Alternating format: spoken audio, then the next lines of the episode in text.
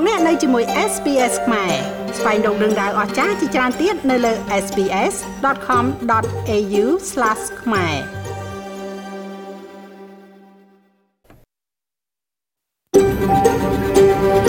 SBS, a world of difference. You're with SBS Khmer on mobile, online, and on radio. លោកអ្នកនៅជាមួយ SPS ខ្មែរនៅលើទូរស័ព្ទដៃអនឡាញនិងវិទ្យុ ខ្ញុំសូមទទួលស្គាល់ទំនៀមទម្លាប់ប្រពៃណីទឹកដីដែលយើងកំពុងផ្សាយចេញនៅថ្ងៃនេះ SBS ខ្មែរសូមគោរពដល់ប្រជាជនវ៉ារ៉ាំងជេរីវ៉យវ៉ារ៉ាំង នៃប្រជាជាតិខូលីននិងចាស់ទុំរបស់ពួកគេតាំងពីអតីតកាលនិងបច្ចុប្បន្នយើងក៏សូមទទួលស្គាល់ម្ចាស់ទំនៀមទម្លាប់ប្រពៃណីទឹកដីនៃជនជាតិដើម Aboriginal និងអ្នកកោះ Torres Strait ទាំងអស់ដែលលោកអ្នកកំពុងតែស្ដាប់នាពេលនេះហើយថ្ងៃនេះត្រូវនៅថ្ងៃសុក្រ6កើតខែពិសាឆ្នាំខាចត្វាស័កពុទ្ធសករាជ2565 ត្រូវនៅថ្ងៃទី6ខែឧសភាឆ្នាំ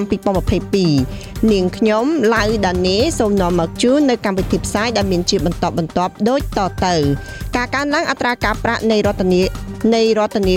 នៃរដ្ឋនីចាស់សំតុននៃរដ្ឋនីសំតុននៃរដ្ឋាភិបាលជាតិប្រទេសអូស្ត្រាលី គ្រោះធម្មជាតិនាពេលថ្មីថ្មីនេះនឹងផ្លាស់ប្ដូរការបោះឆ្នោតក្នុងតំបន់ការកើនឡើងដែលគេរំពឹងទុកនៅក្នុងការបោះឆ្នោតមុនការកំណត់កម្ពុជាដឹកនាំកិច្ចប្រជុំស្ដីពីជំនួញមនុស្សធម៌របស់អាស៊ានសម្រាប់មីយ៉ាន់ម៉ាក្រសួង3នៅកម្ពុជាកំពុងសហការគ្នាពិចារណាលើការកំណត់អាយុអនុញ្ញាតឲ្យទទួលទានគ្រឿងស្រវឹង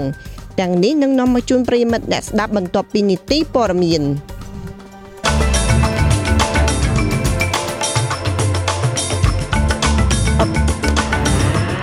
មេតិការសំខាន់សំខាន់មាននាយករដ្ឋមន្ត្រី Scott Morrison រំពឹងថានឹងប្រកាសអំពីទឹកប្រាក់ដែលដែលបានសន្យានៅក្នុងការបោះឆ្នោតចំនួន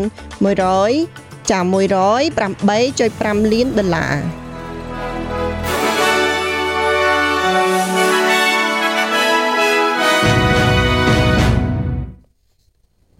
នាយករដ្ឋមន្ត្រី Scott Morrison រំពឹងថានឹងប្រកាសអំពីទឹកប្រាក់ដែលបានសន្យានៅក្នុងការបោះឆ្នោតចំនួន108.5លានដុល្លារដើម្បីជួយក្នុងការបណ្ដុះបណ្ដាលបុគ្គលិកការពារជាតិបន្ថែមចំនួន1500នាក់ការពង្រីកបន្ថែមនៃកម្មវិធីតម្រង់ទិសផ្នែកការពារជាតិនិងផ្ដោតទៅលើជំនាញជំនាញផ្នែកក្មេងជំទង់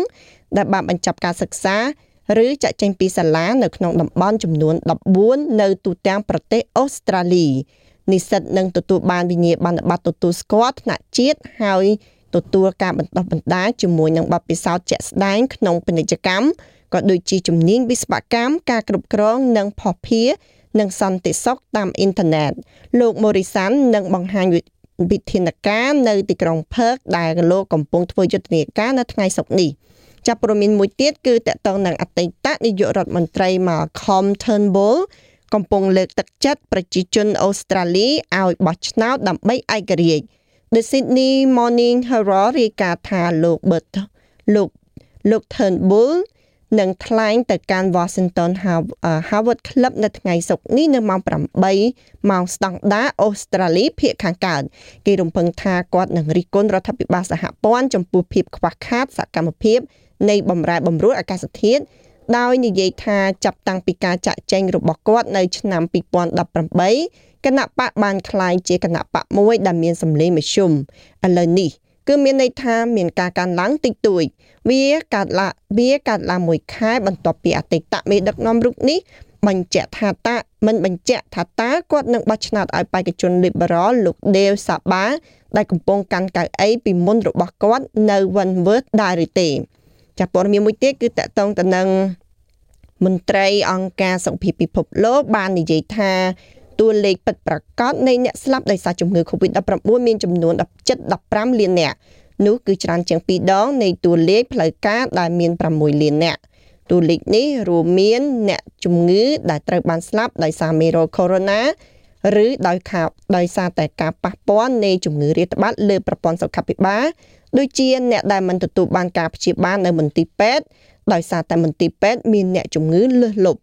មន្ត្រីបច្ចេកទេសនៃនាយកដ្ឋានតនន័យនិងវិភាគរបស់អង្គការសុខភាពពិភពលោកលោក Wilson Smithbury និយាយថាភាគច្រើនតួលេខនៃការស្លាប់បន្ថែមទៀតគឺនៅអាស៊ីអាគ្នេយ៍អឺរ៉ុបនិងអាមេរិក numbers are all sometimes controversial នៅទូទាំងពិភពលោកយើងប៉ាន់ស្មានថាមានអ្នកស្លាប់ចំនួន14.9លាននាក់ដែលតទៅនឹងជំងឺរាតត្បាត COVID ត្រឹមថ្ងៃទី31ខែធ្នូឆ្នាំ2021ដូច្នេះការប៉ាន់ស្មាននេះគឺចាប់ផ្ដើមពី13.3លានទៅ16.6លាននាក់មាន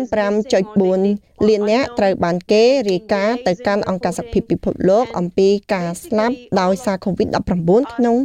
រយៈពេលនេះ លោកនិយាយចាអ្នកស្រីនិយាយថាប្រទេសចំនួនចាប្រទេសចំនួនមធ្យមកម្រិតទាបនិងប្រទេសមានចំនួនមធ្យមកម្រិតខ្ពស់មានចំនួន81%នៃនៃចំនួន14ក្បៀ9លាននាក់ចាប់ព័ត៌មានមួយទៀតគឺតកតងទៅនឹងកតកម្មនៅទីក្រុងមែលប៊នអ្នកបើកបររថយន្តក្រុងច្រើនជាង1000នៅនៅថ្ងៃសុក្រនេះបានធ្វើកតកម្មនៅទីក្រុងមែលប៊នកម្មករនយោជក ចាស់កម្មករនិយោជិកនឹងដើរចេញពីការងាររយៈពេល24ម៉ោងដើម្បីទាមទារលក្ខខណ្ឌការងារនិងប្រាក់ខែឲ្យកាន់តែប្រសើរឡើងវាត្រូវបានគេរំពឹងថានឹងបង្កឲ្យមានការរំខានដល់ការធ្វើដំណើរយ៉ាងធំធេងដោយមនុស្សម្នាត្រូវបានគេជំរុញឲ្យធ្វើបញ្ហាឲ្យធ្វើផនការជាមុនចាព័ត៌មានមួយទៀតគឺតកតនស្ថានភាពនៅប្រទេសអ៊ុយក្រែនក្បួនថ្មីរបស់អង្គការសហប្រជាជាតិកំពុងតែធ្វើដំណើរទៅកាន់ប្រទេសអ៊ុយក្រែនដើម្បីជំនះជនស៊ីវិលចេញពីការ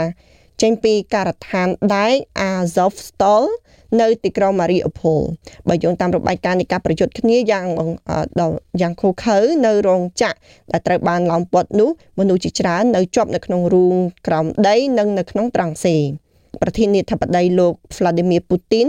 បានប្រាប់នាយករដ្ឋមន្ត្រីអ៊ីស្រាអែលលោក Naftali Bennett ថាពួកគេនៅតែបដិញ្ញាចំពោះបទចុះបាញ់ ដែលបានប្រងព្រាមរយៈពេល3ថ្ងៃដើម្បីអនុញ្ញាតឲ្យជនស៊ីវិលជំនះខ្លួនប៉ុន្តែអ្នកប្រយុទ្ធម្នាក់របស់អ៊ុយក្រែនស្វី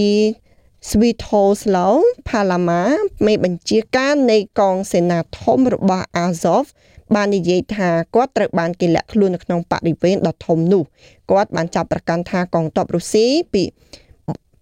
ចាកងទ័ពរុស្ស៊ីគឺរំលោភនៅលើបទឆបាញ់លើការការពាររបស់រោងចក្រ រយៈសម្រាប់រយៈពេល3ថ្ងៃជប់ជប់គ្នា Currently, Russian shelling and the assault on Azovstal doesn't stop, but civilians still need to be taken out. ជនជាតិរុស្ស៊ីបានបំពេញលើការសន្យានៃបទឆប់បាញ់ហើយមិនអនុញ្ញាតឲ្យជនស៊ីវិលជំនះខ្លួនដែលបន្តលាក់ខ្លួនពីការ បាញ់ផ្លោងនៅក្នុងបន្ទប់ក្រោមដីរបស់រោងចក្រអោសស្តលនោះទេយើងអំពាវនាវឲ្យសហគមន៍ពិភពលោកជំនះជនស៊ីវិលហើយខ្ញុំផ្ទាល់សូមអំពាវនាវទៅកាន់មេបញ្ជាការដើម្បីមើលថែទាហានដែលរងរបួសនិងស្លាប់ដោយសារការឈឺចាប់ពីព្រោះតែការព្យាបាលមិនគ្រប់គ្រាន់ហើយក៏ដើម្បីយកសាកសពទាហានឲ្យប្រជាជនអ៊ុយក្រែនលានៅវីរៈបុរសរបស់គេលើកចុងក្រោយ ចាប់លោកលោកស្រីកញ្ញាឥឡូវនេះយើងមកស្ដាប់មកស្ដាប់នៅព័ត៌មានកីឡាគឺតារា NBA ជនជាតិអូស្ត្រាលីប៊ិនស៊ីមុនក្រុងនឹងត្រឡប់ទៅជំរុំវឹកហាត់ Brooklyn Nets បន្ទាប់ពីការប្រកាសខ្នងដោយជោគជ័យជាការភ្ញាក់ផ្អើលដល់អ្នកគ្រប់គ្រង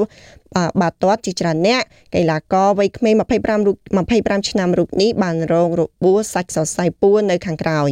មុនពេលលាតត្រដាងនេះលោកស៊ីមុនបានចំណាយពេលស្ទើរតែពេញមួយឆ្នាំនៅក្រៅតុលាការដោយលើកឡើងពីកង្វល់សុខភាពផ្ទាល់ផ្លូវចិត្តចំពោះការបដិសេធរបស់គាត់នៅក្នុងការលេងឲ្យក្រុម Philadelphia 76អឺមុនពេលបដូរទៅ Brooklyn ចាប់តាំងពីពេលនោះមក The Net បានចេញសេចក្តីថ្លែងការណ៍មួយនៅ Twitter ដោយនិយាយថាគាត់ត្រូវបានគេរំពឹងថានឹងជាសះស្បើយពេញលេញមុនពេលចាប់ផ្ដើមការវឹកហាត់នៅរដូវកាលថ្មីចាលោកអ្នកនាងកញ្ញាអត្រាប្តូរប្រាក់នៅថ្ងៃនេះ1ដុល្លារអូស្ត្រាលីមានតម្លៃចិត្ត71សេនដុល្លារអាមេរិកត្រូវនឹង2885 85រៀលប្រាក់រៀលខ្មែរ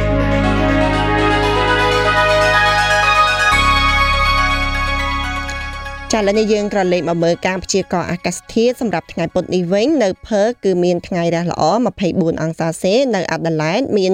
ភ្លៀង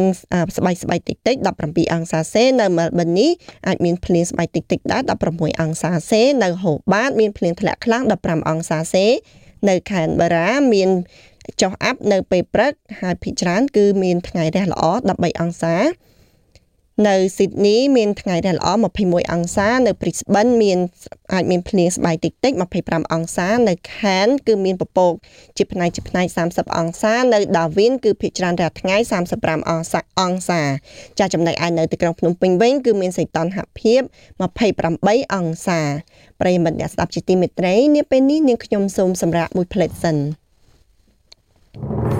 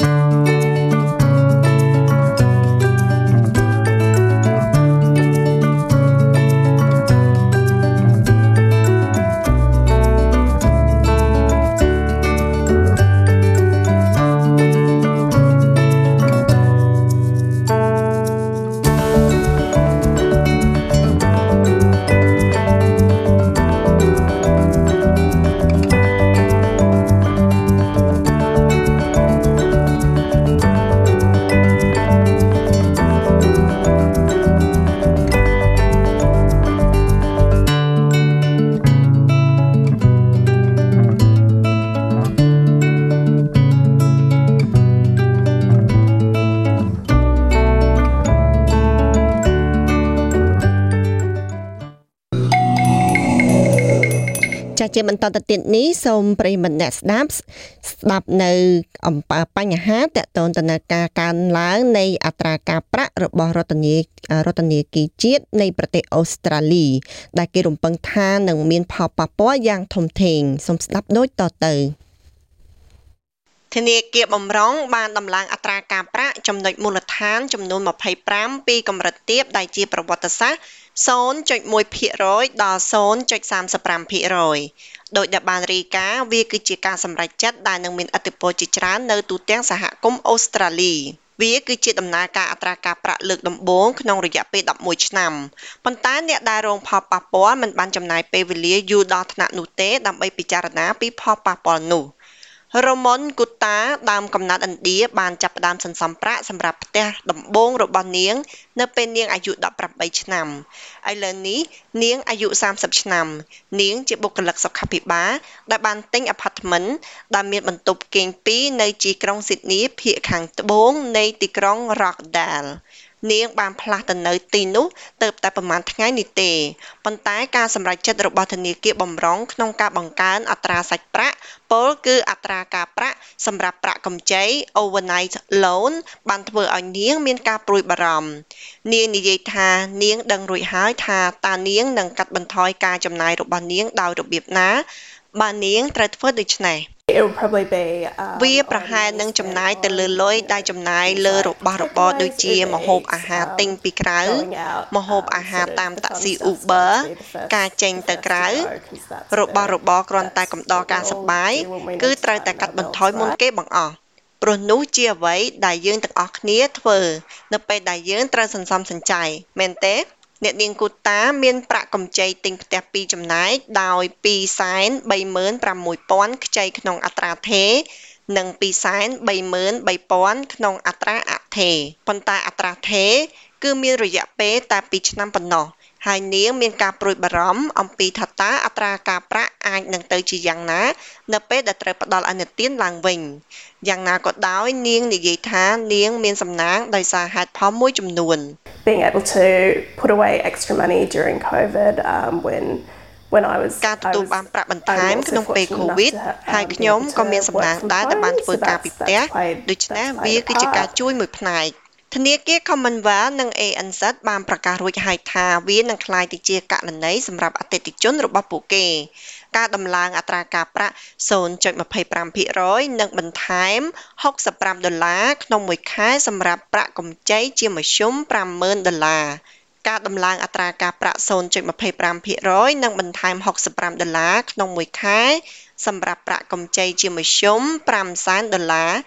ឬ 135 ដុល្លារក្នុងមួយខែសម្រាប់ប្រាក់កម្ចី 1 លានដុល្លារ Sally Tyndall Sally Tyndall មកពីផ្នែកប្រៀបធៀបប្រាក់កម្ចី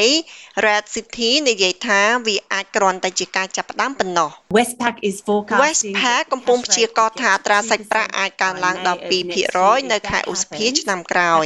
ប្រសិនបើរឿងនេះកើតឡើងមែនអ្នកខ្ចីដូចគ្នានោះកំពុងសម្លឹងមើលការកើនឡើងសរុបនៃការបង់ប្រចាំខែរបស់ពួកគេដែលមានចំនួន511ដុល្លារជារៀងរាល់ខែអ៊ីវ៉ាន់ខូហតគឺជាប្រធានផ្នែកស្រាវជ្រាវសាកលរបស់ធនាគារជាតិអូស្ត្រាលីគាត់និយាយថាការកើនឡើងអត្រាការប្រាក់នេះគឺហួសពេលកំណត់ ពីព្រោះការសម្រេចចិត្តរបស់ធនាគារបំរុងបានផ្លាស់ប្ដូរនាពេលថ្មីៗនេះ Yes, I think they have been slow. ខ្ញុំគិតថាពួកគេមានភាពយឺតយ៉ាវធនាគារបំរុងចាស់កំពុងទន្ទឹងរង់ចាំរឿងនេះហើយបានផ្លាស់ប្ដូរអត្រាការប្រាក់ជាមុនធនាគារបំរុងបច្ចុប្បន្នកំពុងរង់ចាំឲ្យវាកើតឡើងដោយសារតែពួកគេមិនទាន់បានទៅដល់គោលដៅអតិផរណារបស់ពួកគេ សម្រាប់រយៈពេល5ឆ្នាំចុងក្រោយនេះមានមួយចំនួននៅក្នុងសហគមន៍ដែលទទួលអត្ថប្រយោជន៍ពីអត្រាការប្រាក់ខ្ពស់ដូចជាអ្នកដែលអាស្រ័យលើប្រាក់ចំណូលពីការប្រាក់និងប្រាក់បញ្ញើតាមកាលកំណត់ Paul Versted គឺជាអ្នកគ្រប់គ្រងនយោបាយសម្រាប់សហគមន៍អ្នកសោធននិវត្តន៍និង Superannuation រួមបញ្ចូលគ្នានៃរដ្ឋ New South Wales ប៉ុន្តែលោកបន្ថែមការប្រុងប្រយ័ត្នថាការកើនឡើងសម្រាប់ប្រជាជនបែបនេះត្រូវបានកំណត់ដោយអតិផរណាដែលបណ្ដាលឲ្យធនាគារបម្រុងដំឡើងអត្រាការប្រាក់ជាមុនសិន។ I don't think that ខ្ញុំមិនគិតថាអត្រាប្រាក់បញ្ញើនឹងមិនទាន់អាចតាមទាន់អត្រាអតិផរណាទេបើអ្នកមើលអត្រាប្រវត្តិសាស្ត្រអត្រាដែលទទួលបានត្រឡប់ពិតប្រាកដលើប្រាក់បញ្ញើតាមកាលកំណត់គឺជាធម្មតាអវិជ្ជមាន ឬវាមានផលវិជ្ជមានតិចតួចបំផុត អត្ថបទនេះរៀបចំដោយសូនីអាវ៉ាស៊ីននិងរីណាសូរ៉ាំផាតហើយប្រែសម្រួលដោយនាងខ្ញុំឡៅដាណេសម្រាប់ការផ្សាយរបស់ SBS ខ្មែរចាស់ជាបន្តទៅទៀតនេះសូមស្ដាប់នៅបញ្ហាតកតងទៅនឹងគ្រោះធម្មជាតិនាពេលបច្ចុប្បន្ននេះនិងផ្លាស់ប្ដូរការបោះឆ្នោតក្នុងតំបន់ គណៈបក The Nation មានមោទនភាពនៅក្នុងការតំណាងឲ្យផលប្រយោជន៍របស់ប្រជាពលរដ្ឋក្នុងនិងជនបទអូស្ត្រាលីហើយក៏បានធ្វើដូច្នេះអស់រយៈពេលជាង100ឆ្នាំមកហើយគណៈបកនេះបង្កើតឡើងនៅក្នុងឆ្នាំ1920បានឆ្លងកាត់នៅការផ្លាស់ប្ដូរឈ្មោះជាបន្តបន្ទាប់ហើយអស់រយៈពេលជាច្រើនឆ្នាំមកក៏បានហៅខ្លួនឯងថាគណៈបក The Nation Party ប៉ុន្តែក្រោយមកបានបដូរឈ្មោះឡើងវិញនៅឆ្នាំ2006 The Nation គឺជាគណៈបកដែលជឿជាក់ថាអនាគតនៃតំបន់មានសារៈសំខាន់សម្រាប់អនាគតរបស់ប្រទេសអូស្ត្រាលី ពួកគេនិយាយថាពួកគេឧទ្ទិសចំពោះភាពជាមូលដ្ឋានដ៏រឹងមាំសម្រាប់ជនដែលរស់នៅក្រៅក្រុងដើម្បីផ្ដល់ឱកាសដើម្បីផ្ដល់ឱកាសនិងវិបុលភាពសម្រាប់ប្រជាជនអូស្ត្រាលីក្នុងតំបន់ទាំងអស់រួមគ្នាជាមួយគណៈបក The Liberal Party The Nation បង្កើតនៅអ្វីដែលហៅថាសម្ព័ន្ធ វាជាទំនាក់ទំនងយូរអង្វែងទោះបីជាអតិភិបប្រកួតប្រជែងរវាងភាគីទាំងពីរអាចបង្កើតភាពតានតឹងក៏ដោយគណៈបក The Liberal Party តែងតែគ្រប់គ្រងទីផ្សារសេរីខណៈដែលគណៈបក The Nation ដែលជាប្រពៃណីគឺដើម្បីការពារផលប្រយោជន៍សេដ្ឋកិច្ចរបស់អ្នកដែលរស់នៅតំបន់និងជនបទអូស្ត្រាលីលោកបណ្ឌិត Peter Chen គឺជាសាស្ត្រាចារ្យជាន់ខ្ពស់នៅនាយកដ្ឋានរដ្ឋបាល និងទំនាក់ទំនងអន្តរជាតិនៃសាកលវិទ្យាល័យ Sydney លោកថាគណៈបកនៅតែបន្តទទួលការគ្រប់គ្រងយ៉ាងរឹងមាំនៅក្នុងតំបន់បើទោះបីជាគណៈបកនយោបាយផ្សេងទៀតកើនឡើងក៏ដោយ So while the Nationals are a small ដូច្នេះគណៈដែលគណៈបក The Nation គឺជាគណៈបកតូចមួយនិងជាសមាជិកបីក្មេងនៃសម្ព័ន្ធពួកគេពិតជាមានការគ្រប់គ្រងយ៉ាងខ្លាំងនៅក្នុងតំបន់ពួកគេពិតជាបានជួបប្រទះបញ្ហាប្រឈមនៅប៉ុន្មានឆ្នាំថ្មីៗនេះពីគណៈបកដូចជាគណៈបកអ្នកបាញ់អ្នកនេសាទនិងគណៈបកកសិករជាដើមយើងក៏ធ្លាប់ឃើញ Green ខ្លះនៅថ្នាក់រដ្ឋប្រកួតប្រជែងនឹងបេក្ខជន Nations មួយចំនួនប៉ុន្តែជាក់ស្ដែងខ្ញុំគិតថា The Nation នឹងនៅតែរក្សាតួនាទីសំខាន់របស់ពួកគេជាគណៈបកចម្រុះដ៏សំខាន់មួយហើយប្រកាសណាស់វាហាក់បីដូចជាពួកគេរក្សាបាននូវការគ្រប់គ្រងយ៉ាងខ្លាំង នៅក្នុងទឹកដីរបស់ពួកគេ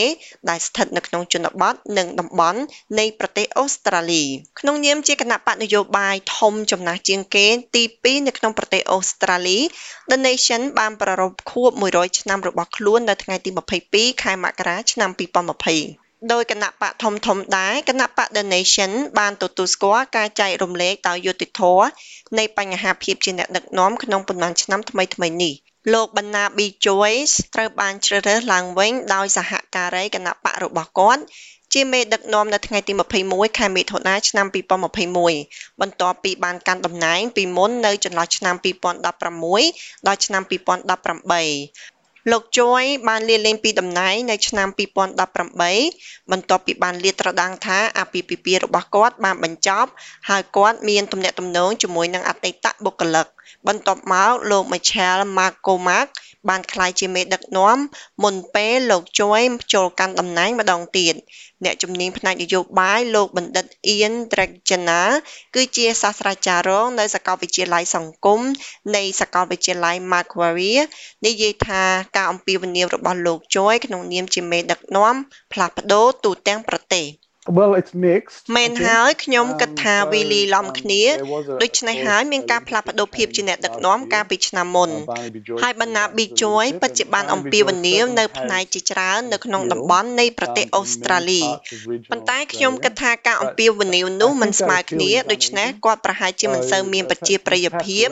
និយាយថានៅ Victoria ជាងអ្នកនៅផ្នែកខ្លះនៃ Queensland និងរដ្ឋ New South Wales ជាឧទាហរណ៍ ចាប់តាំងពីការបោះឆ្នោតចុងក្រោយឆ្នាំ2019តំបន់និងជនបទជាច្រើន នៃប្រទេសអូស្ត្រាលីត្រូវបានរងផលប៉ះពាល់ដោយគ្រោះមហន្តរាយធម្មជាតិដែលរីករាលដាលដូចជាទឹកជំនន់ភ្លើងឆេះព្រៃនិងគ្រោះរាំងស្ងួតវិជ្ជបណ្ឌិតត្រេចចិណានិយាយថាវានឹងគួរឲ្យចាប់អារម្មណ៍នៅក្នុងការខ្លំមើលថាតើគ្រោះមហន្តរាយបរិស្ថានទាំងនេះនឹងមានឥទ្ធិពលលើជំរើសនៃការបោះឆ្នោតរបស់អ្នកគ្រប់គ្រងជាតិ The Nation ដែរឬទេ I, I think this is ខ្ញុំគិតថានេះគឺតកតងទៅនឹងវិធីដែលសម្ព័ន្ធភាពនយោបាយកំពុងផ្លាស់ប្ដូរនៅក្នុងព្រៃដូច្នេះអ្នកកំពុងទទួលបានកសិករជាច្រើននិងប្រជាពលរដ្ឋក្នុងតំបន់ជាច្រើនទៀតជាក់ស្ដែងមានការព្រួយបារម្ភកាន់តែខ្លាំងឡើងអំពីបញ្ហាអាកាសធាតុទាំងនេះដោយមានបំណងធ្វើអ្វីមួយដោះស្រាយវាដោយការផ្លាស់ប្ដូរការអនុវត្តកសិកម្មនិងអ្វីផ្សេងទៀតដូច្នេះហើយវាពិតជាករណីដែលប្រជាជាតិមិនអាចពឹងផ្អែកទៅលើកសិករតាមរបៀបដែលពួកគេអាចធ្វើបានទៀតទេដោយសារការអនុវត្តកសិកម្មកំពុងផ្លាស់ប្ដូរដូច្នេះហើយបញ្ហាអាកាសធាតុទាំងនេះពួកគេពិតជាមានប្រតិកម្មនៅក្នុងតំបន់ជាច្រើនអត្ថបទនេះរៀបចំដោយ Peggy Keakomelo និងប្រែសម្រួលដោយនាងខ្ញុំឡៅដាណេសម្រាប់ការផ្សាយរបស់ SBS ខ្មែរចាជាបន្តទៅទៀតនេះនាងខ្ញុំសូមជូននៅអត្ថបទមួយទៀត គឺតកតងទៅនឹងការកើនឡើងដែលគេរំពឹងទុកនៅក្នុងការបោះឆ្នោតមុនការកំណត់សម្រាប់ការស្ទង់មតិជំងឺរាតត្បាតជាតិលើកដំបូងរបស់ប្រទេសអូស្ត្រាលីសូមឆ្វេងយល់អំពីអត្ថបទនេះជាមួយនាងខ្ញុំដូចតទៅការបោះឆ្នោតសហព័ន្ធនៅថ្ងៃទី21ខែឧសភានឹងជាការស្ទង់មតិថ្នាក់ជាតិលើកដំបូងរបស់ប្រទេសអូស្ត្រាលីដែលបានធ្វើឡើងចាប់តាំងពីមានការចាប់ផ្ដើមនៃជំងឺរាតត្បាត វាមិនមែនជាការងាយស្រួលនោះទេគណៈកម្មការរៀបចំការបោះឆ្នោតនឹងចាត់វិធានការធានាដំណើរការ COVID សុវត្ថិភាពខណៈពេលដែលកំពុងរៀបចំការកើនឡើងនៃប្រជាជន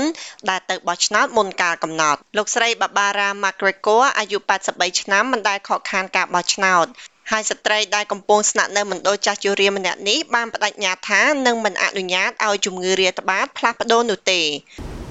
ខ្ញុំតែងតែទៅបោះឆ្នោតពេញមួយជីវិតរបស់ខ្ញុំចាប់តាំងពីខ្ញុំអាយុ21ឆ្នាំប៉ុន្តែដោយមើលឃើញថាខ្ញុំមិនអាចចេញបានការបោះឆ្នោតតាមប្រេសនីគឺជាផ្លូវដែលត្រូវទៅខណៈពេលដែលផ្ទះរដ្ឋមួយចំនួននឹងមានបុគ្គលិកគណៈកម្មការរៀបចំការបោះឆ្នោតអូស្ត្រាលីទៅសួរសុខទុក្ខពួកគេនៅថ្ងៃបោះឆ្នោតដូចជាអ្នកស្រី McGregor ជាដើមគឺគណៈកម្មការត្រូវតែជួយពួកគេឲ្យបោះឆ្នោតឲ្យបានឆាប់បុគ្គលិកកលានុបដ្ឋាយិកានៅឯមណ្ឌលចាស់ជរានៅទីក្រុងស៊ីដនីបានដាក់ ទាសូមឲ្យប្រជាជនបោះឆ្នោតតាមសញ្ញាឆ្នោតប្រៃសណីទោះបីជាបោះឆ្នោតដោយផ្ទាល់ពេញមួយជីវិតក៏ដោយក៏អ្នកស្រី McGregor ហាក់បីដូចជាមិនប្រកាន់ដែរដរាបណាអ្នកទៅដល់ខ្ញុំគិតថាប្រសិនបើមនុស្សទៅបោះឆ្នោតហើយពួកគេបោះឆ្នោតតាមប្រៃសណីប្រសើរជាងសម្រាប់អ្នកគ្រប់គ្នា វាគឺជាការបោះឆ្នោតដែលយុត្តិធម៌ជាងការបរិច្ឆេទនៃការបោះឆ្នោតសហព័ន្ធនៅថ្ងៃទី21ខែឧសភា ប៉ុន្តែការបោះឆ្នោតមុននឹងចាប់ផ្ដើមនៅថ្ងៃទី9ខែឧសភាអ្នកនាំពាក្យគណៈកម្មការបោះឆ្នោតអូស្ត្រាលី Ivan Ekin Smith មានប្រសាសន៍ថានៅពេលនេះគណៈកម្មការកំពុងលើកទឹកចិត្តប្រជាជនឲ្យរៀបចំផែនការបោះឆ្នោតរបស់ពួកគេ សូមពិនិត្យមើលស្ថានភាពរបស់អ្នក រៀបចំការបោះឆ្នោតរបស់អ្នក ហើយធានាខ្លួនឯងអំពីអ្វីដែលកំពុងកើតឡើងពិតប្រាកដនៅកន្លែងបោះឆ្នោត យើងមានព័ត៌មានជាច្រើន យើងនឹងមានមន្ត្រីអនាម័យដែលនឹងបម្រើការដោយជូតសម្អាតបន្ទះផ្លាស្ទិក ពិសេសលើអេក្រង់បោះឆ្នោត និងសម្ភារៈជាច្រើនផ្សេងទៀតរួមទាំងជូតសម្អាតខ្មៅដៃនៅចន្លោះពេលប្រើប្រាស់ផងដែរយើងនឹងមានទឹកលាងដៃ ហើយយើងនឹងពិនិត្យមើលលំហូរខ្យល់សម្រាប់កន្លែងបោះឆ្នោតរបស់យើង ដើម្បីប្រាកដថាវាដំណើរការបានត្រឹមត្រូវ វាមានវិធានការសុវត្ថិភាពជាច្រើនគាត់និយាយថាមានហេតុផលជាច្រើនដែលមានប្រជាពលរដ្ឋបោះឆ្នោតលឿនក្នុងនោះក៏រួមមាននៃការភ័យខ្លាចដោយសារ COVID-19 នៅថ្ងៃបោះឆ្នោតផងដែរទម្រង់នៃការបោះឆ្នោតមុនការកំណត់របស់គណៈកម្មការដែលពេញចិត្តគឺការចូលរួមនៅក្នុងមណ្ឌលបោះឆ្នោតដំបូងជាង500ដែលនឹងបើកទូទាំងប្រទេសនៅក្នុងរយៈពេល2សប្តាហ៍មុនថ្ងៃបោះឆ្នោត បើមិនដូច្នេះទេ អ្នកបោះឆ្នោតអាចដាក់ពាក្យសុំបោះឆ្នោតតាមប្រេសនីរហូតដល់ថ្ងៃពុធមុនថ្ងៃបោះឆ្នោតបន្ទាប់មកពួកគេមានពេល13ថ្ងៃក្រោយការបោះឆ្នោតសម្រាប់សញ្ញាឆ្នោតដែលគណៈកម្មការទទួលបាន ដើម្បីរាប់ថាមានសុពលភាពមិនដូចសហរដ្ឋអាមេរិកទេមិនមានជំរើសសម្រាប់ការបោះឆ្នោតតាមអ៊ីនធឺណិតនៅក្នុងការបោះឆ្នោតសហព័ន្ធទេ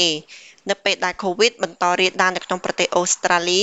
ផែនការត្រូវបានធ្វើឡើងសម្រាប់អ្នកដែលឆ្លងជំងឺនេះនៅថ្ងៃចុងក្រោយដែលឈានទៅដល់ការបោះឆ្នោតប្រសិនបើអ្នកឆ្លង COVID-19 ឬក្លាយទៅជាអ្នកដែលមានទំនាក់ទំនងជិតស្និទ្ធក្នុងរយៈពេល2ថ្ងៃមុនការបោះឆ្នោត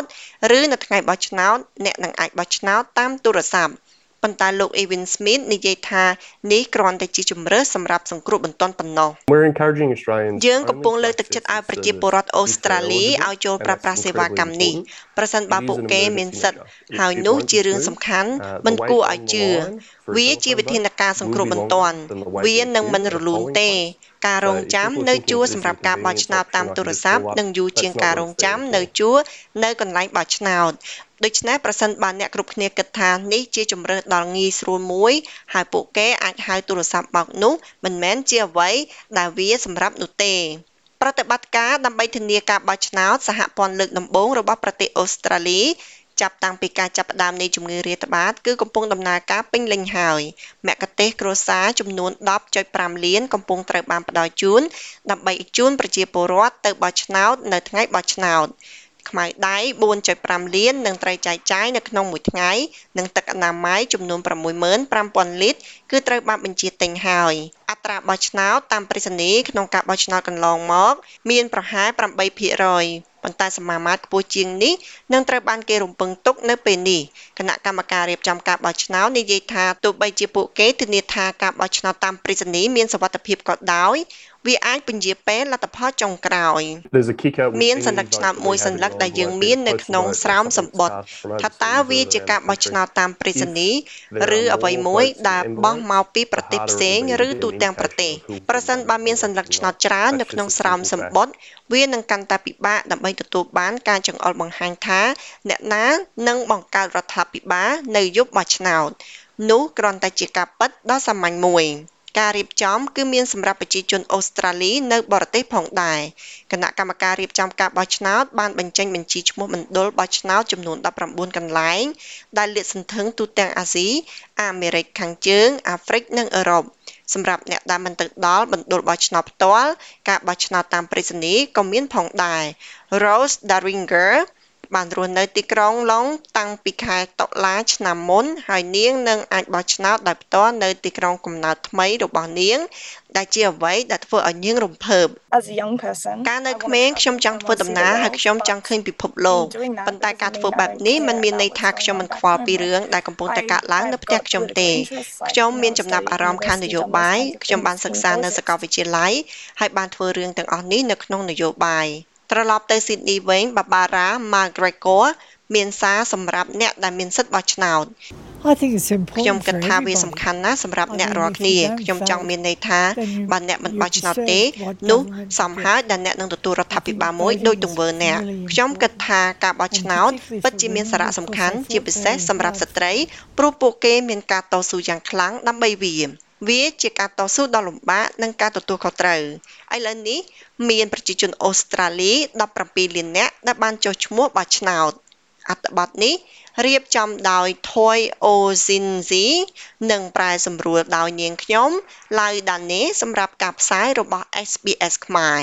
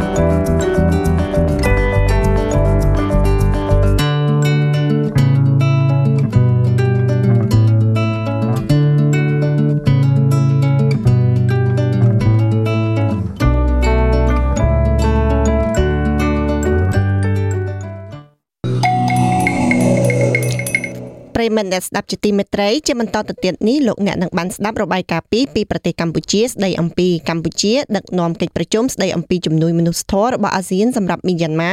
និងរបាយការណ៍ទី2គឺតកតននឹងក្រសួង3នៅកម្ពុជាកំពុងសហការគ្នាពិចារពិចារណាទៅលើការកំណត់អាយុអនុញ្ញាតឲ្យទទួលទានគ្រឿងស្រវឹង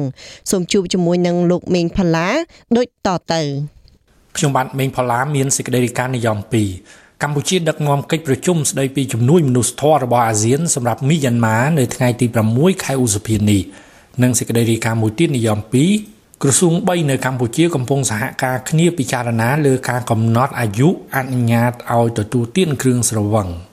ជាដំបូងខ្ញុំបាទមានសេចក្តីរាយការណ៍និយម2កម្ពុជាដឹកនាំកិច្ចប្រជុំស្តីពីជំនួយមនុស្សធម៌របស់អាស៊ានសម្រាប់មីយ៉ាន់ម៉ានៅថ្ងៃទី6ខែឧសភានេះ លោកឧបនាយករដ្ឋមន្ត្រីប្រាក់សុខុនរដ្ឋមន្ត្រីក្រសួងការបរទេសនិងសហប្រតិបត្តិការអន្តរជាតិកម្ពុជា និងជាប្រេសិតពិសេសប្រធានអាស៊ាន សម្រាប់មីយ៉ាន់ម៉ារួមទាំងលោកលឹមចុកហ៊ុយអគ្គលេខាធិការអាស៊ាន ក្នុងឋានៈជាអ្នកសម្របសម្រួលជំនួយមនុស្សធម៌អាស៊ាន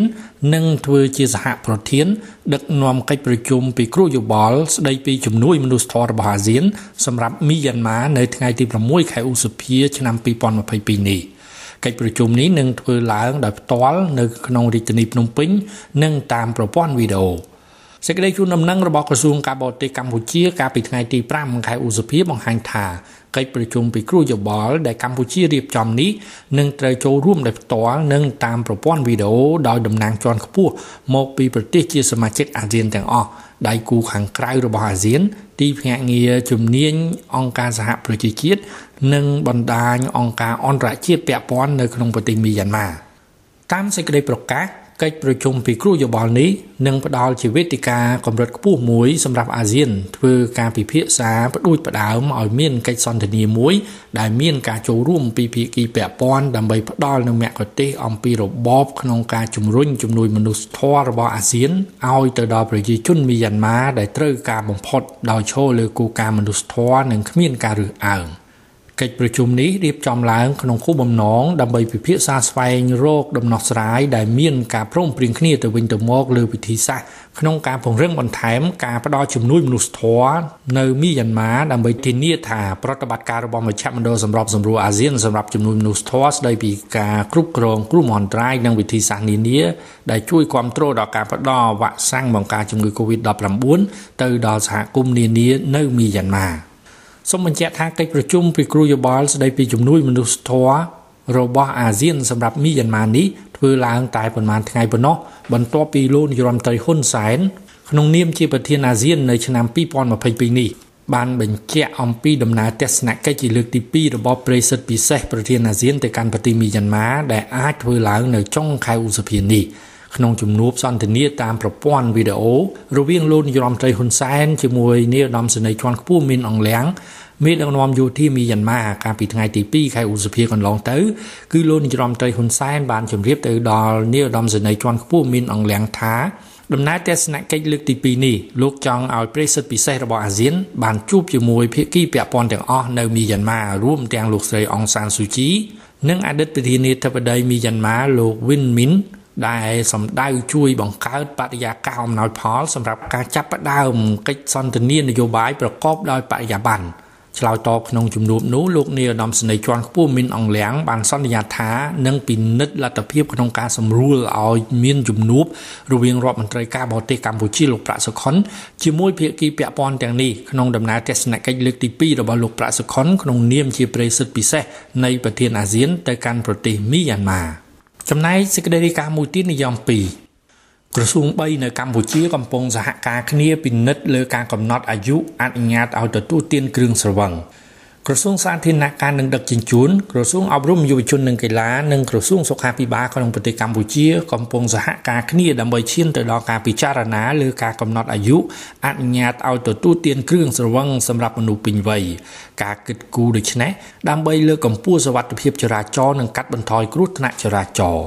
លោកទីសរដ្ឋមន្ត្រីសុនចន្ទថុលរដ្ឋមន្ត្រីក្រសួងសាធារណការនិងដឹកជញ្ជូន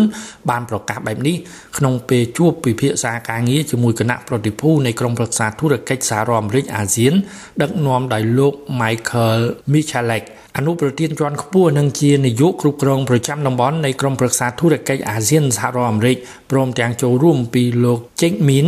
នាយកគ្រប់គ្រងជាន់ខ្ពស់នៃក្រុមប្រឹក្សាធុរកិច្ចសហរដ្ឋអាមេរិកអាស៊ានប្រចាំកម្ពុជាមីយ៉ាន់ម៉ានិងឡាវព្រមទាំងមានការចូលរួមពីស្ថានទូតអាមេរិកប្រចាំកម្ពុជា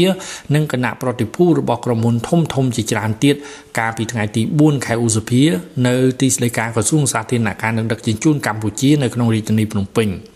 សូមជម្រាបជូនថាតាមការស្រាវជ្រាវអ្នកដែលស្លាប់ដោយគ្រោះថ្នាក់ចរាចរណ៍ភ័យច្រើននៅកម្ពុជា គឺជាយុវជន ដែលកំពុងតែពេញកម្លាំងពលកម្មនិងចូលរួមកសាងប្រទេសជាតិក្នុងនោះការប្រើប្រាស់គ្រឿងស្រវឹងនិងគ្រឿងញៀនគឺជាកត្តាចម្បងដ៏ធំមួយដែលនាំឲ្យមានគ្រោះថ្នាក់ចរាចរណ៍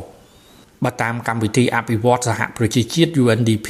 គ្រោះថ្នាក់ចរាចរណ៍នៅកម្ពុជានាំឲ្យខាតបង់ថវិកាជាតិប្រមាណជាង460លានដុល្លារក្នុងមួយឆ្នាំមួយឆ្នាំ គួររំលឹកជូនថាកាលពីឆ្នាំ2015រាជរដ្ឋាភិបាលកម្ពុជាបានធ្វើសេចក្តីព្រាងច្បាប់ស្តីពីការត្រួតពិនិត្យគ្រឿងស្រវឹងដែលមាន11ចម្ពោះនិង39មាត្រាសេចក្តីព្រាងច្បាប់នេះគឺផ្ដោតទៅលើការដំឡើងពន្ធគ្រឿងស្រវឹងការផ្សាយពាណិជ្ជកម្មការកំហិតកន្លែងលក់និងអាយុអ្នកខ្សែគ្រឿងស្រវឹងជាដើម ក្នុងមាត្រា12នៃសេចក្តីព្រាងច្បាប់នេះគឺបានហាមឃាត់ការលក់ដូរឬចែកចាយគ្រឿងស្រវឹងគ្រប់ប្រភេទចំពោះជនដែលមានអាយុក្រោម21ឆ្នាំស្ត្រីមានគភ៌និងជនស្ថិតក្នុងស្ថានភាពស្រវឹងដែលមិនអាចគ្រប់គ្រងខ្លួនឯងបាន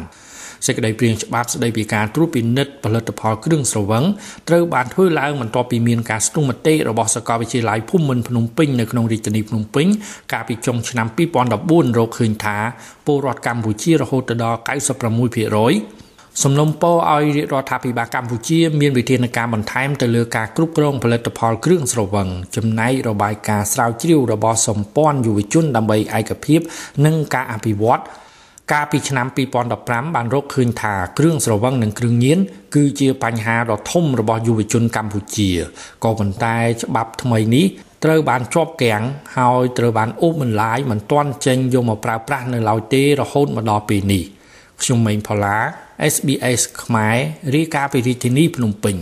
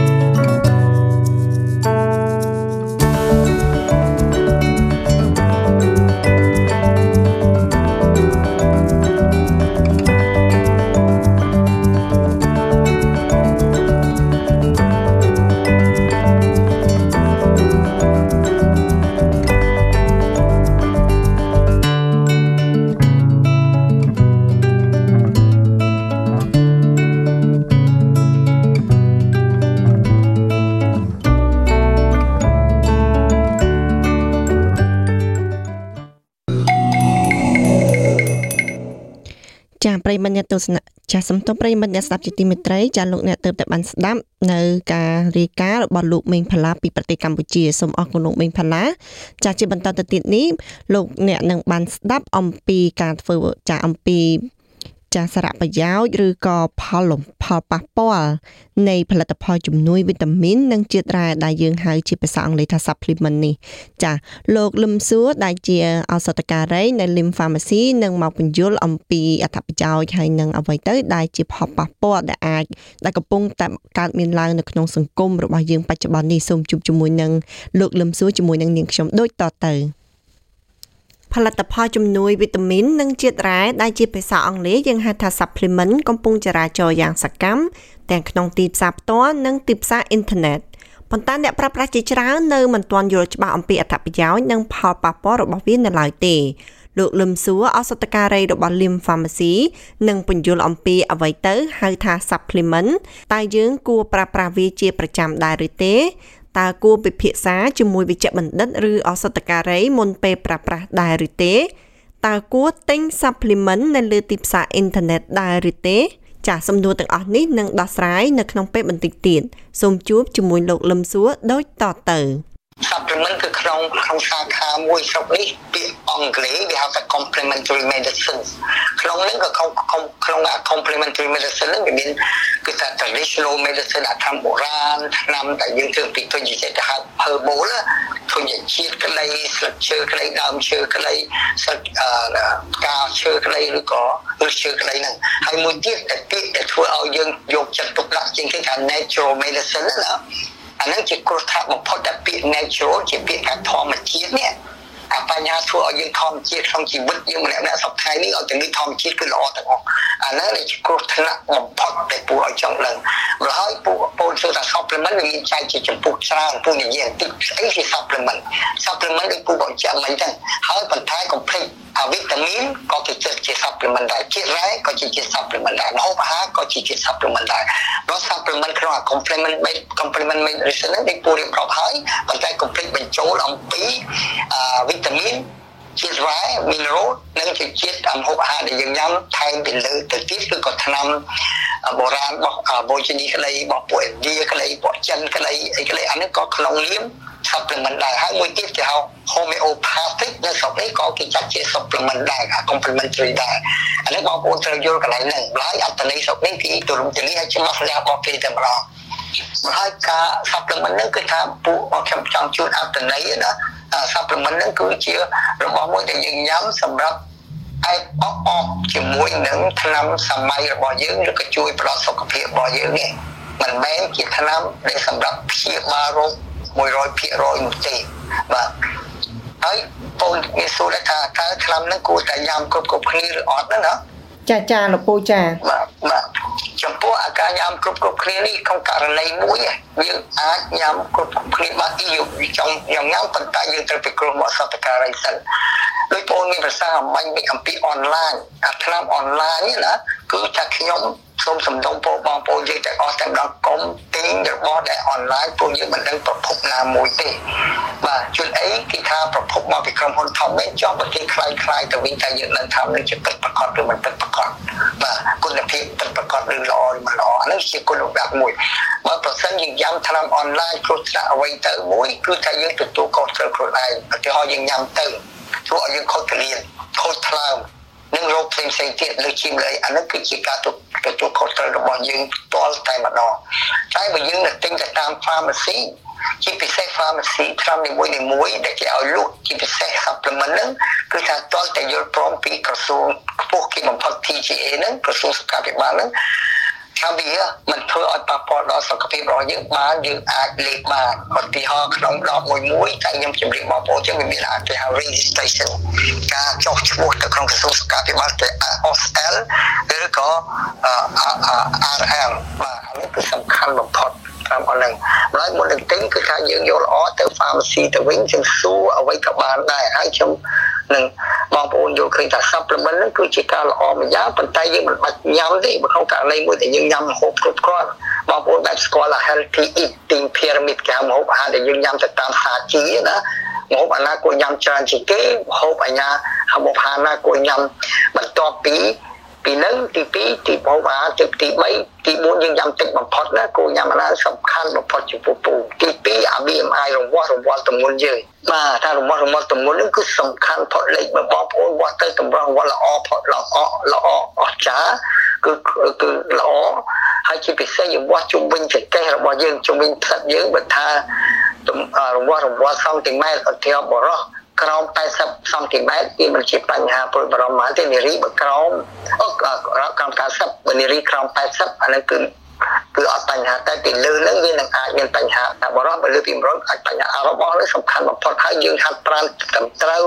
ញ៉ាំគ្រប់គ្រាន់មកហូបអាហារផ្លែឈើទៅតាមពូជម្រាបការអាសាជីមកហូបអាហាររៀបត្រីកោហ្នឹង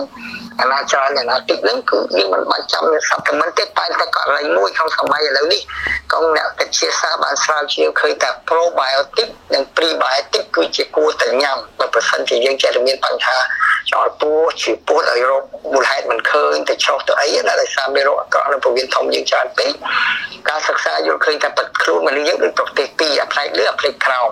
អាផ្នែកលើគឺថា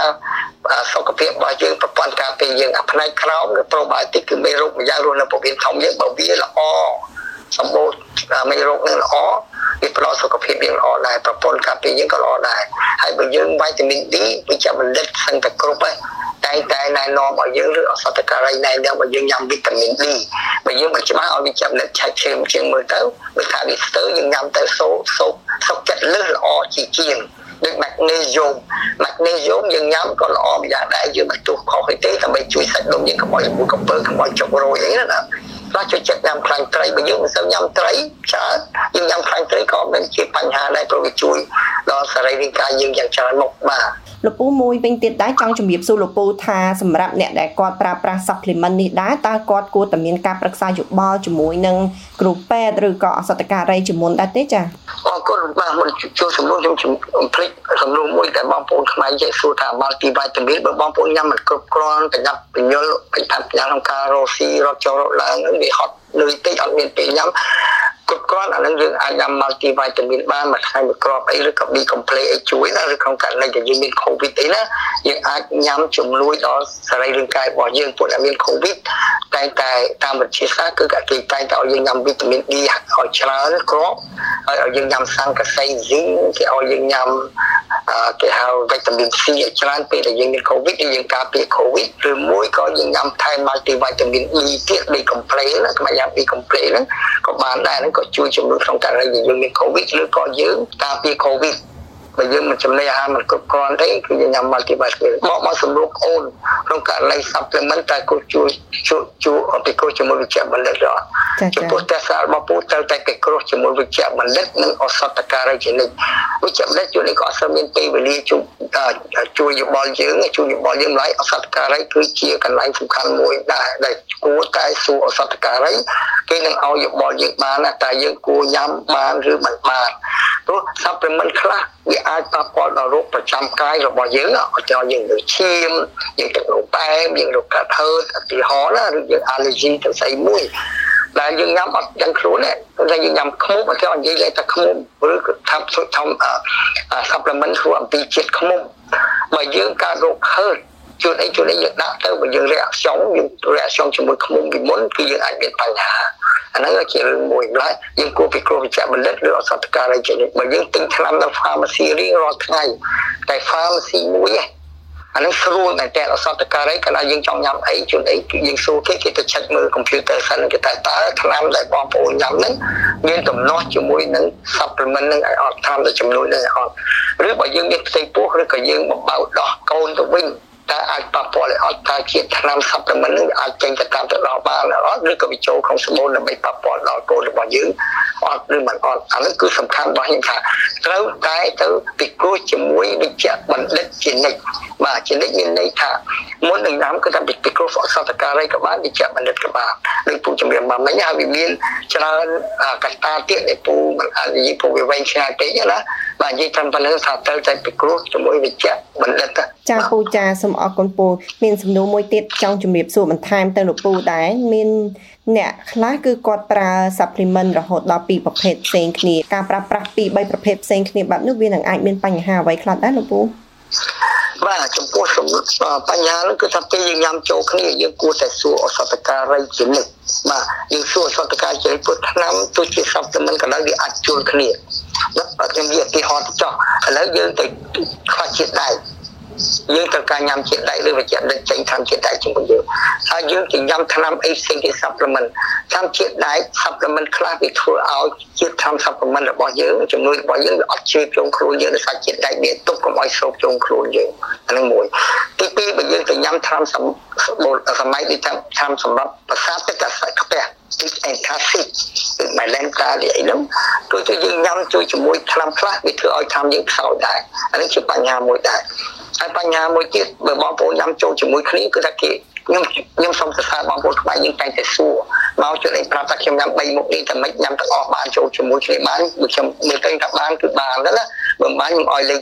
លេខពេលខុសគ្នានេះកោឈាម supplement យើងចូលចិត្តញ៉ាំឈាមកាល់ supplement ឥឡូវដោយសារតែស្រុកយើងក៏សម្បូរទិញផ្ញើបងប្អូនដែរព្រោះបងប្អូនយើងចេះច្រើនស្ឡើងថាជាងពុកណាអាហ្នឹងគឺល្អម្យ៉ាងទោះប៉ុន្តែអាកាល់ស្យូមហ្នឹងជួយអាចស្រូបជាតិថ្នាំរបស់ខ្លះដែលយើងត្រូវការធ្វើសម័យដែលប្រចាំដែលចេញជូនឬក៏ថ្នាំ supplement នេះឡើយយើងមុននឹងញ៉ាំអី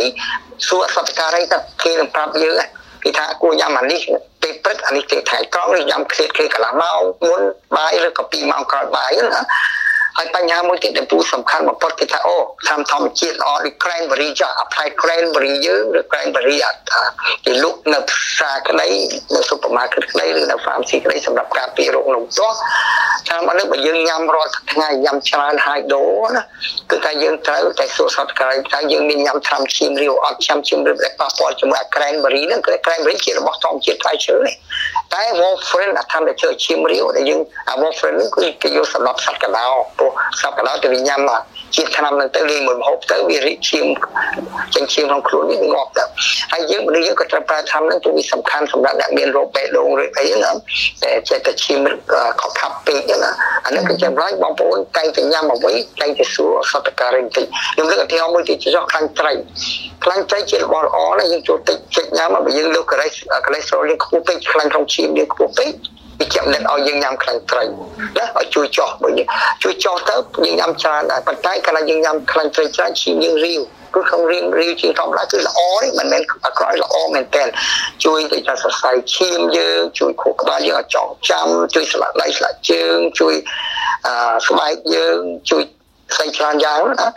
តែក្នុងករណីមួយ កាលតែយើងញ៉ាំនេះឈាមវារាវជាងធម្មតាបន្តិចម្ល៉េះមុននឹងញ៉ាំឆ្នាំអ្វីក្រៅពីនឹងទៀតសួរបញ្ជាក់សពការបន្តិចឧទាហរណ៍ថាធ្វើជីកូជីកូវាធ្វើឲ្យឈាមរត់អមហ្នឹងមិនវាអាចប៉ះពាល់ដល់ឈាមរាវដែរឬក៏ថ្នាំសម័យតែម្ដងដែលវាចាក់ដិតចេញឲ្យញ៉ាំរាល់ថ្ងៃដូច aspirin ឬអីនោះឬក៏ថ្នាំ clopidogrel ផ្លាវិចអីនោះឡៃសួរសតការីចឹងគេថាឯងឯងញ៉ាំខ្ញុំខ្លាំងព្រៃគួរញ៉ាំប៉ុណ្ណេះបានណាប្រយ័ត្នតិចកុំឲ្យច្រើនពេកចឹងណាទៅតាមលទ្ធភាពណា ហើយបើយើងនិយាយពីអាជីវករវិញតែអ្នកណាម្នាក់ណាចូលចិត្តតែមានបញ្ហាក្នុងការចងចាំភ្លេចភ្លាំងរៀនមិនឆ្លាស់មុខឆ្លាស់មាត់ទៅខនស្ខានมันអាចប្រមូលអារម្មណ៍ព្រលព្រលំល្អហ្នឹងអាត្រាំអត់នេះតែថាជួយ memory យើងជួយស្មារតីយើងឲ្យចងចាំឲ្យកុំឲ្យភ្លេចភ្លាំងឲ្យឲ្យរៀនប្រកែកហ្នឹងអាហ្នឹងក៏ល្អម្យ៉ាងប៉ុន្តែករណីមួយ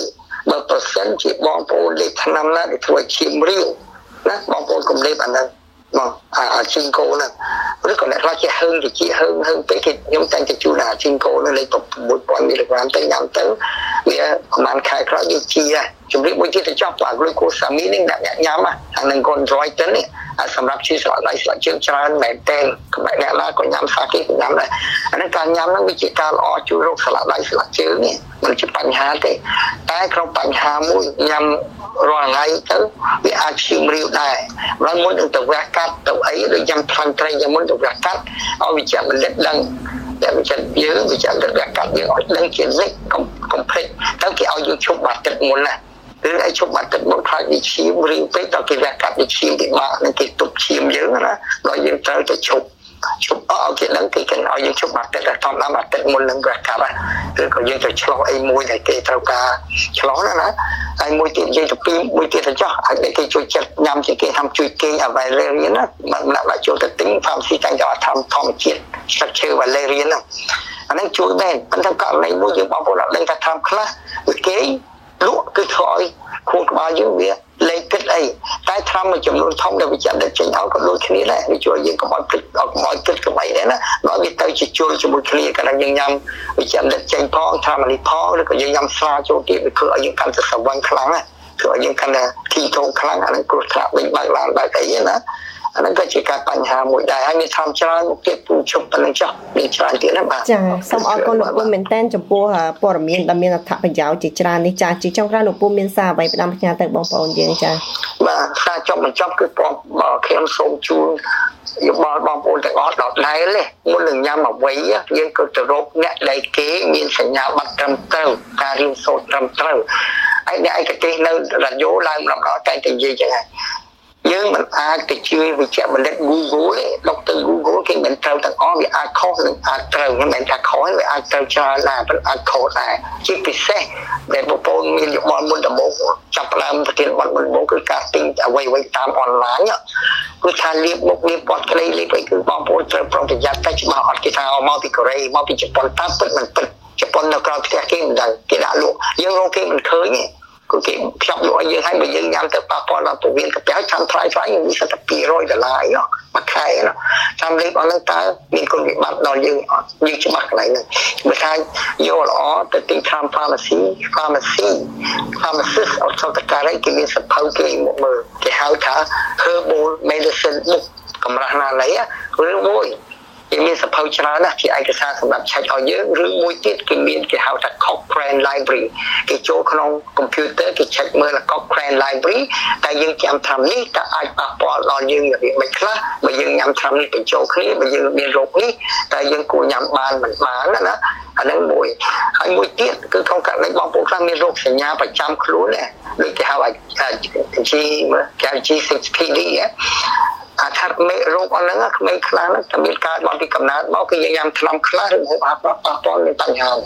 ហើយបងប្អូនត្រូវតែប្រាប់គេអស់ក្នុងករណីដែលយើងញ៉ាំថ្នាំអ្វីមួយណាគឺឲ្យយើងឲ្យគេដឹងជានិច្ចតែម្ដង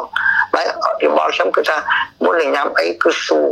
សួរអ្នកឯកទេសដែលគេរៀននៅសាលាព្រោះគេបានរៀនយូរឆ្នាំហើយប៉ុន្តែករណីមួយទៀតខ្ញុំភ្លេចឆ្នាំចិនក៏ជាឆ្នាំមួយដែលបាននៅលើផ្សារហ្នឹងគឺរាប់រយឆ្នាំមកហើយដែររាប់ពាន់ឆ្នាំហើយតែក្នុងករណីមួយឆ្នាំខ្លះក៏វាមិនអាចទុកកសាផ្សាយខ្សែត្រឹមត្រូវហើយការរៀនសូត្រពីឪពុកពីម្ដាយពីជីដូនជីតាមកក៏វាមិនបានច្បាស់លាស់ដែរបើសប្តាហ៍នេះមានសកលវិទ្យាល័យ RMIT បង្រៀន បង្រៀនផ្នែកថ្នាំចិនដែលគេរកថ្នាំចិនណាដែលត្រឹមត្រូវពិតប្រាកដមានការឯកសារត្រឹមត្រូវគេយកទៅស្រាវជ្រាវបន្តទៅទៀតហ្នឹងគេមានវិជ្ជាបណ្ឌិតចេញពីសាលាសាកលវិទ្យាល័យ RMIT ហ្នឹងគឺជានិស្សិតហើយគេចេញជាវិជ្ជាបណ្ឌិតផ្នែកថ្នាំចិនម្ដងបើថាយើងចង់ហូបថ្នាំចិនគួរតែរកអ្នកណាមានសិក្សាប័ណ្ណពីសាកលវិទ្យាល័យ RMIT គឺជាការល្អមួយតែប៉ុណ្្នឹងសូមអរគុណបាទ ចាសូមអរគុណលោកពូច្រើនណាស់សម្រាប់ពេលវេលាដ៏មានតម្លៃនេះសូមជូនពរលោកពូមានសុខភាពល្អសំណាងល្អលោកពូសូមជម្រាបលាលោកពូត្រឹមប៉ុណ្ណេះសិនបាទសូមអរគុណបងដែលផ្ដល់ឱកាសជូនពូបាទអរគុណចាជម្រាបលាលោកពូជម្រាបលាបាទអរគុណបាទ នាយករដ្ឋមន្ត្រី Scott Morrison រំពឹងថានឹងប្រកាសអំពីទឹកប្រាក់ដែលបានសន្យានៅក្នុងការបោះឆ្នោតចំនួន108.5លានដុល្លារអតីតនាយករដ្ឋមន្ត្រី Malcolm Turnbull កំពុងលើកទឹកចិត្តឲ្យប្រជាពលរដ្ឋអូស្ត្រាលីឲ្យបោះឆ្នោតដើម្បីឯករាជ្យអ្នកបើកបររថយន្តក្រុងជាង1000នាក់នៅថ្ងៃសុក្រនេះបានធ្វើកតកម្មនៅទីក្រុង Melbourne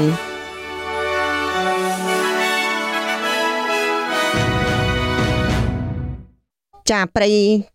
ចាប្រិយមិត្តអ្នកទស្សនៈចាស់សំទោប្រិយមិត្តអ្នកស្ដាប់ជាទីមេត្រីកម្មវិធីរបស់យើងបានមកដល់ទីបញ្ចប់ហើយនាងខ្ញុំសូមថ្លែងអំណរគុណដល់ប្រិយមិត្តអ្នកស្ដាប់ Visual SBS ខ្មែរទាំងអស់ដែលបានចំណាយពេលវេលាតាមដានស្ដាប់កម្មវិធីរបស់យើងតាំងពីដើមរហូតដល់ចប់មិនថាអ្នកស្ដាប់នៅតាមការផ្សាយផ្ទាល់តាមរយៈ Visual ឬទូរទស្សន៍ស្ដាប់គេហទំព័រ sbs.com.au/com.au/ ខ្មែរកម្មវិធី SBS Radio Mobile App ព្រមទាំងប្រិយមិត្តទាំងអស់ដែលគ្រប់គ្រងរបស់កម្មវិធីរបស់យើងតាមបណ្ដាញ Facebook របស់ SBS ខ្មែរកម្មវិធីរបស់យើងនឹងវិលត្រឡប់មកជួបប្រិមិត្តវិញនៅថ្ងៃពុធសប្តាហ៍ក្រោយម៉ោង3ដល់ម៉ោង4ម៉ោងស្តង់ដារអូស្ត្រាលីខាងកើតសូមអរគុណសូមជម្រាបលា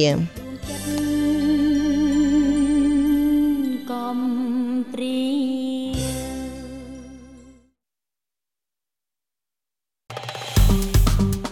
ចុច like share comment និង follow SBS ខ្មែរនៅលើ Facebook